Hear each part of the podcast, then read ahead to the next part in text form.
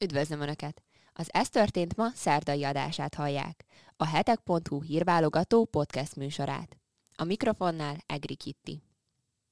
Még mielőtt azonban sorra vennénk a legfrissebb híreket, kérem, hogyha esetleg még nem tették volna meg, iratkozzanak fel a hetek YouTube csatornájára. Most pedig következzenek a legfontosabb szerdai hírek röviden. Másodosztályúnak nevezte Magyarországot az olasz baloldal vezető politikusa. Azonban a jobboldali olasz testvérek elnöke rögtön reagált erre, és bocsánatkérést is követelt. Liz Truss helyett Liz Trusselnek gratulálnak sorra a Twitteren. Egyébként még a svéd kormányfőtől is kapott meghívást a brit nő.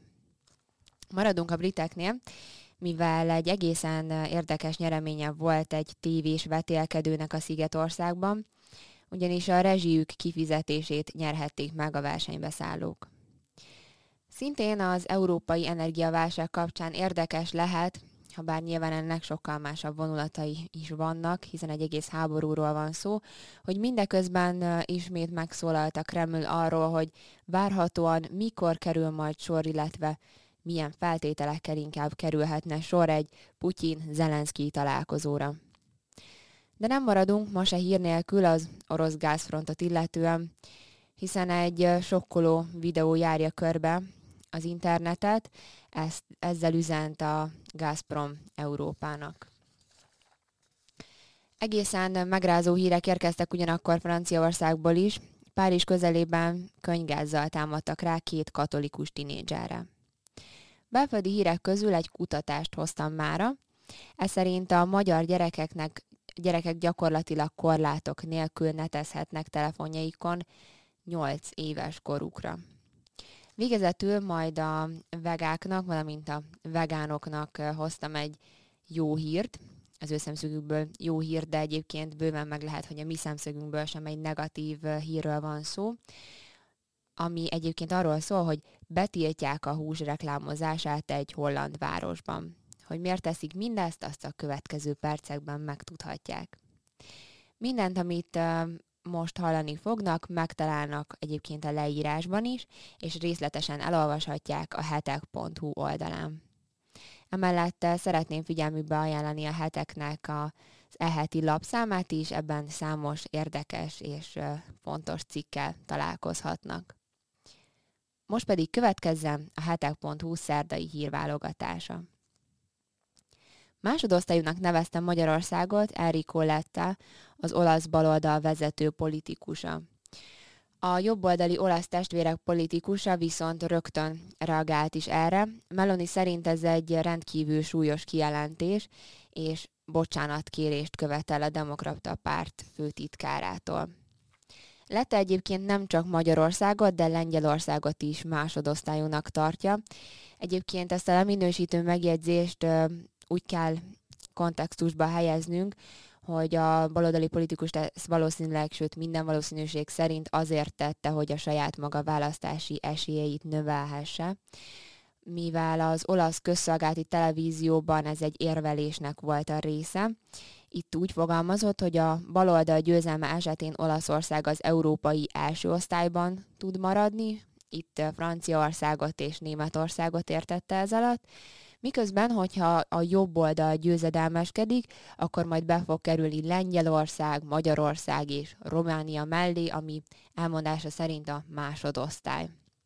Hozzátette ugyanakkor, hogy nagy tiszteletet és barátságot érez a magyar és lengyel nép iránt, hiába tart minket másodosztályúnak. Ugyanakkor ő nemet mond Matteo Salvinire, aki az, aki az Orbán kormány családpolitikáját állítja be példaként. A lengyel kritizálását egyébként Meloni igyekezett árnyalni, és emlékeztette politikus társát, hogy Oroszországgal szemben elég komoly kötelezettségeket vállalt országról van szó.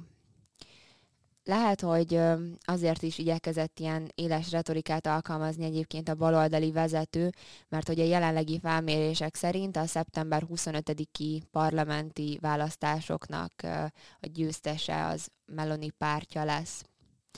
Ez a szemlélete, mármint hogy lett a szemléletéről beszélünk, a választási retorikájában is egyértelműen tükröződik. Szerintem ugyanis a baloldalnak 17 napja maradt, hogy megakadályozza a jobb oldal győzelmét, tehát nem egy győzelemre felhívásról, hanem egy megakadályozandó győzelemről beszél a baloldali politikus. Mondjuk egyébként a megakadályozás szó arra is utalhat, hogy most a jelenlegi választási rendszer az úgy néz ki Olaszországban, hogy a jobboldali olasz koalíciónak mindössze 46% is elég lesz a győzelemhez. A hír részleteit elolvashatják a hetek.hu oldalon, és az ehhez tartozó leírás pedig, mint ahogy eddig megszokhatták, továbbra is megtalálják a videónak a leírásában.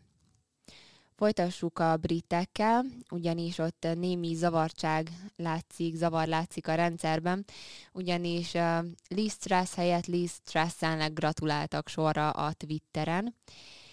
Ugyebár a tegnapi napon nevezte ki hivatalosan második Erzsébet Liz Truss az Egyesült Királyság miniszterelnökének, és ezzel együttesen meg is bízta a kormány kormányalakítással, az új kormánynak a megalakításával.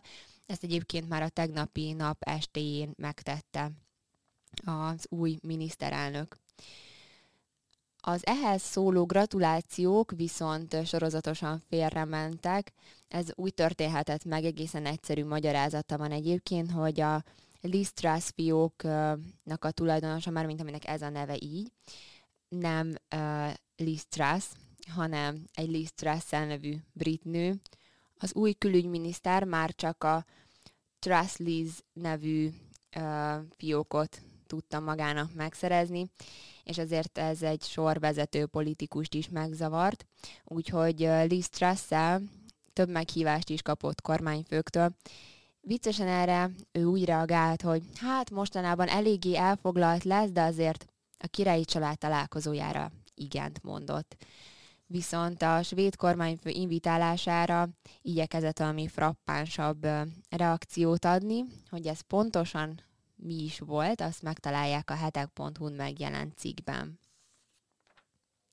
Maradunk a Szigetországnál, hiszen figyelemre méltó nyereménye volt egy reggeli kvízműsornak.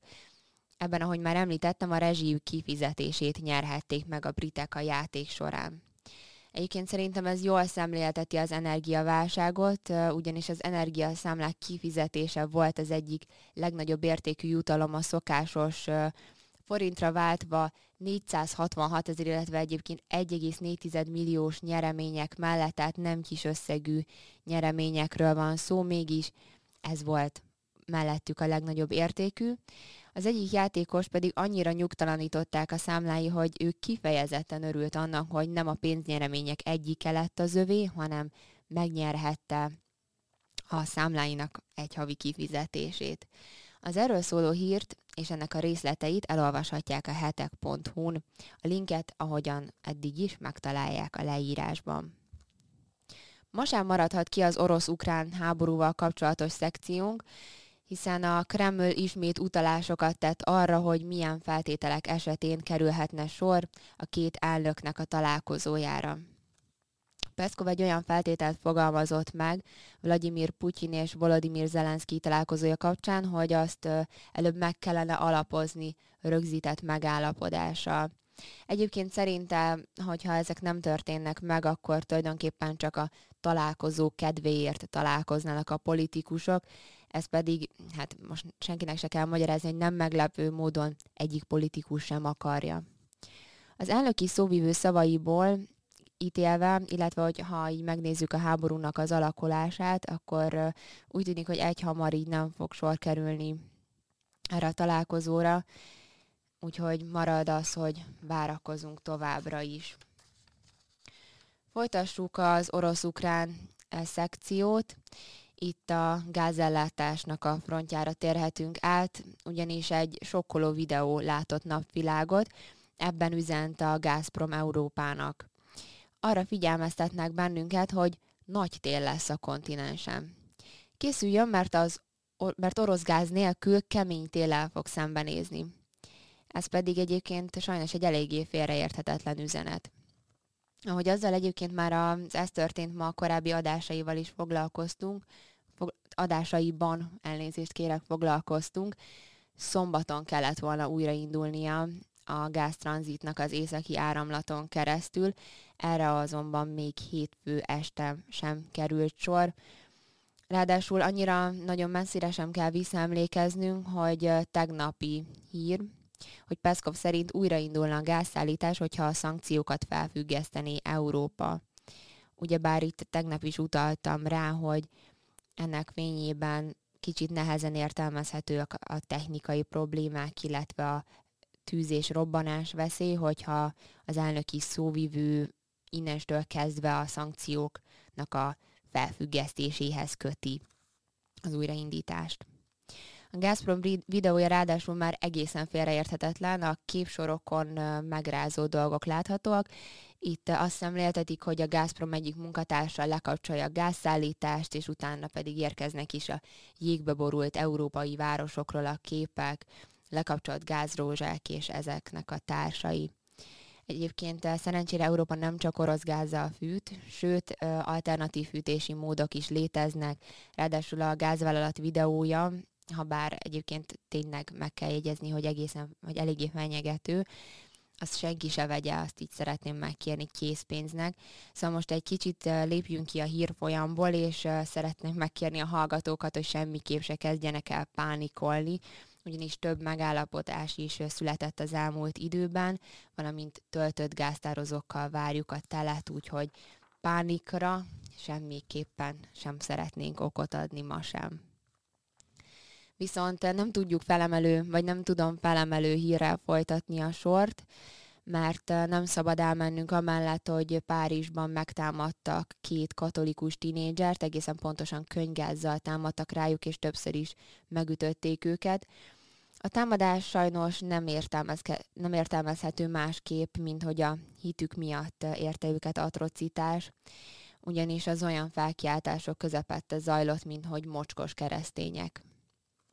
A francia hatóságok szerencsére nem voltak inaktívak, mivel a három elkövető közül kettőt már le is tartóztattak, őket pedig érthető módon testisértés és vallási alapú diszkrimináció vágyával tartóztatták le.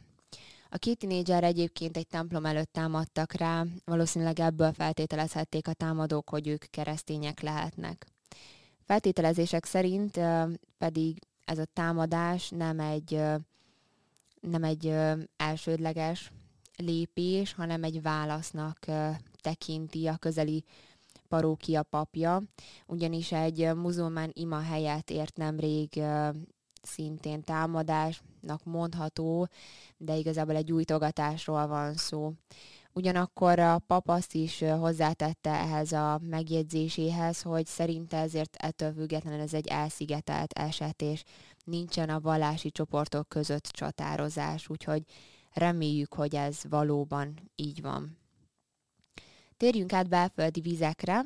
A ma belföldi hírek közül pedig egy kutatást hoztam. Ez egy egészen figyelemfelkeltő kutatás, ugyanis arról szól, hogy a magyar gyerekeknek, gyerekek 8 éves korukra gyakorlatilag már korlátok nélkül tudnak netezni a telefonjaikon. A reprezentatív felmérés alapján a gyerekek jellemzően 6 évesek, amikor megkapják az első telefonjukat, ezt azonban még elővigyázatosságból simkár, vagy szimkártya elnézést, szimkártya nélkül kapják ők meg, itt uh, ilyen szempontból annyi célja lehet csak a telefonnak, hogy ezen tudjanak mesét nézni, vagy telefonos játékokkal játszani. 8 éves korukra viszont már kapnak bele szimkártyát, ezt nyilván azért teszik meg a szülők, hogy bármi történik, akkor a gyerek elérhető legyen, tehát ez egyfajta ilyen szülői aggodalomból teszik. Ekkor viszont a felmérés adatai arra is kitérnek, hogy 10-ből 9 gyerek már rendszeresen internetezik telefon, a telefonján. Úgyhogy a kutatás az a szülők aggodalmaira is kitér ennek kapcsán, valamint a kicsit nagyobbak 10-11 éves digitális eszköz használatára, ami egyébként már egy még ennél meglepőbb adat. Úgyhogy ha kíváncsiak ennek a részleteire, akkor a leírásban megtalálják az ehhez tartozó hetek.hu-n megjelent cikket, ott elolvashatják. Végezetül pedig, ahogy arról már a podcast elején is így említést tettem a rövid bevezetőben, jó hír jött a vegáknak és a vegánoknak, hiszen egy holland városban döntöttek arról, hogy betiltják a húsnak a reklámozását. Ezt egyébként nem más miatt tették, és ezért utaltam arra, hogy ez valószínűleg nekünk sem egy negatív fejlemény, úgy értem nekünk húsevőknek, most ide soroltam magamhoz a hallgatókat is, ha bár lehet, hogy vannak vega és vegán hallgatóink, köszöntöm őket is. Örülök, hogyha ők is hallgatnak bennünket. Tehát mindezt a nem más miatt tették meg a holland városban, mint hogy a klímaválság egyik fő előidézőjének tartják a húsfogyasztást. Hasonlóan egyébként a repülős üdülésekhez, valamint a fosszilis üzemanyagokhoz, illetve a fosszilis üzemanyagot használó autókhoz, ezeket szintén tilos lesz majd reklámozni, tehát nincs itt egy ilyen húsmonopólium, mert hús tekintetében egyedüli reklám tilalom, hanem több környezet szennyező dolognál is ugyanúgy tiltva van a reklámozás. Egyébként még csak a döntés született meg, a tilalmat 2024-től fogják életbe léptetni, úgyhogy ha valaki látna egy holland húsreklámot, azért ne rohanjon egyből jelenteni a holland hatóságoknak. De tegyük félre egy kicsit a viccet, mert van alapja a fogyasztás csökkenés szorgalmazásának, ugyanis a Greenpeace egy kutatása arra tér ki, hogy az Európai Unióban jelenleg 82 kg-os a fejenkénti húsfogyasztás, és ezt kellene 24 kg-ra csökkenteni ahhoz, hogy elérjük a kitűzött 2050-re kitűzött karbonsemlegesség célját. És ez azért is lehet érdekes Hollandia tekintetében, mert Hollandia egyébként az Európai Uniónak a fő hús exportőre. Ez volt a hetek.hu szerdai hírválogatása. Én mára megköszönöm a figyelmüket. Hogyha esetleg még nem tették volna meg, akkor kérem iratkozzanak fel a hetek YouTube csatornájára. Minden előbb elhangzott hírt részletesen is elolvashatnak a hetek.hu-n, a cikkekhez tartozó linkeket pedig ugyanúgy megtalálják a leírásban. Kérem, hogy ha módjuk van rá, akkor akár csak pár ezer forint összegben is támogassák a hetek munkáját. Ezt a hetek.hu per támogatás oldalon tehetik meg, itt ki tudják választani az önöknek megfelelő támogatási módot és az összeget is. Ezzel pedig hozzájárulhatnak, hogy a hetek továbbra is izgalmas, érdekes és fontos tartalmakat készíthessen önöknek. Én megköszönöm még egyszer a figyelmüket, további kellemes és szép napot kívánok önöknek!